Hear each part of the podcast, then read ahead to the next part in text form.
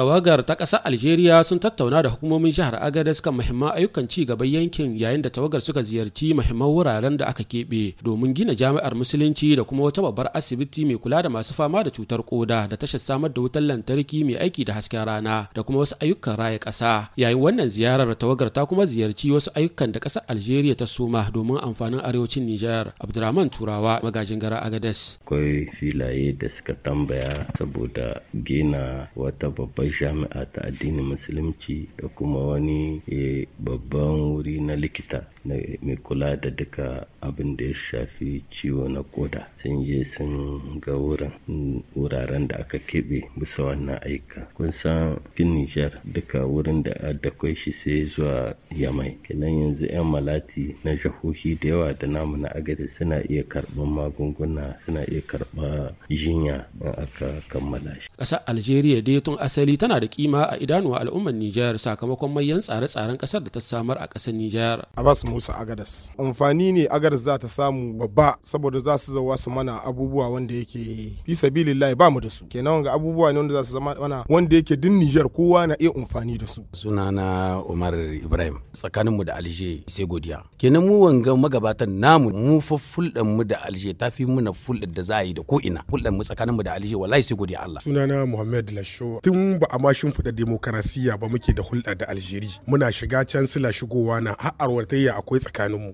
Masana sun bayyana fatan ganin ƙasashen biyu sun ƙarfafa dangantaka ta fuskar siyasa da tattalin arziki ta yadda 'yan ƙasar Nijar za su riƙa gani a ƙasa a duk wata hulɗa da gwamnatin mulkin sojan Nijar za ta yi tsakanin ƙasa da ƙasa musamman ƙasar Algeria da ke zaman babbar ƙawa ga ƙasar Nijar wacce suka raba iyaka mai yawa a arewacin ƙasar. Hamid Mahmud murya Amurka daga Agadez jamhuriyar Nijar.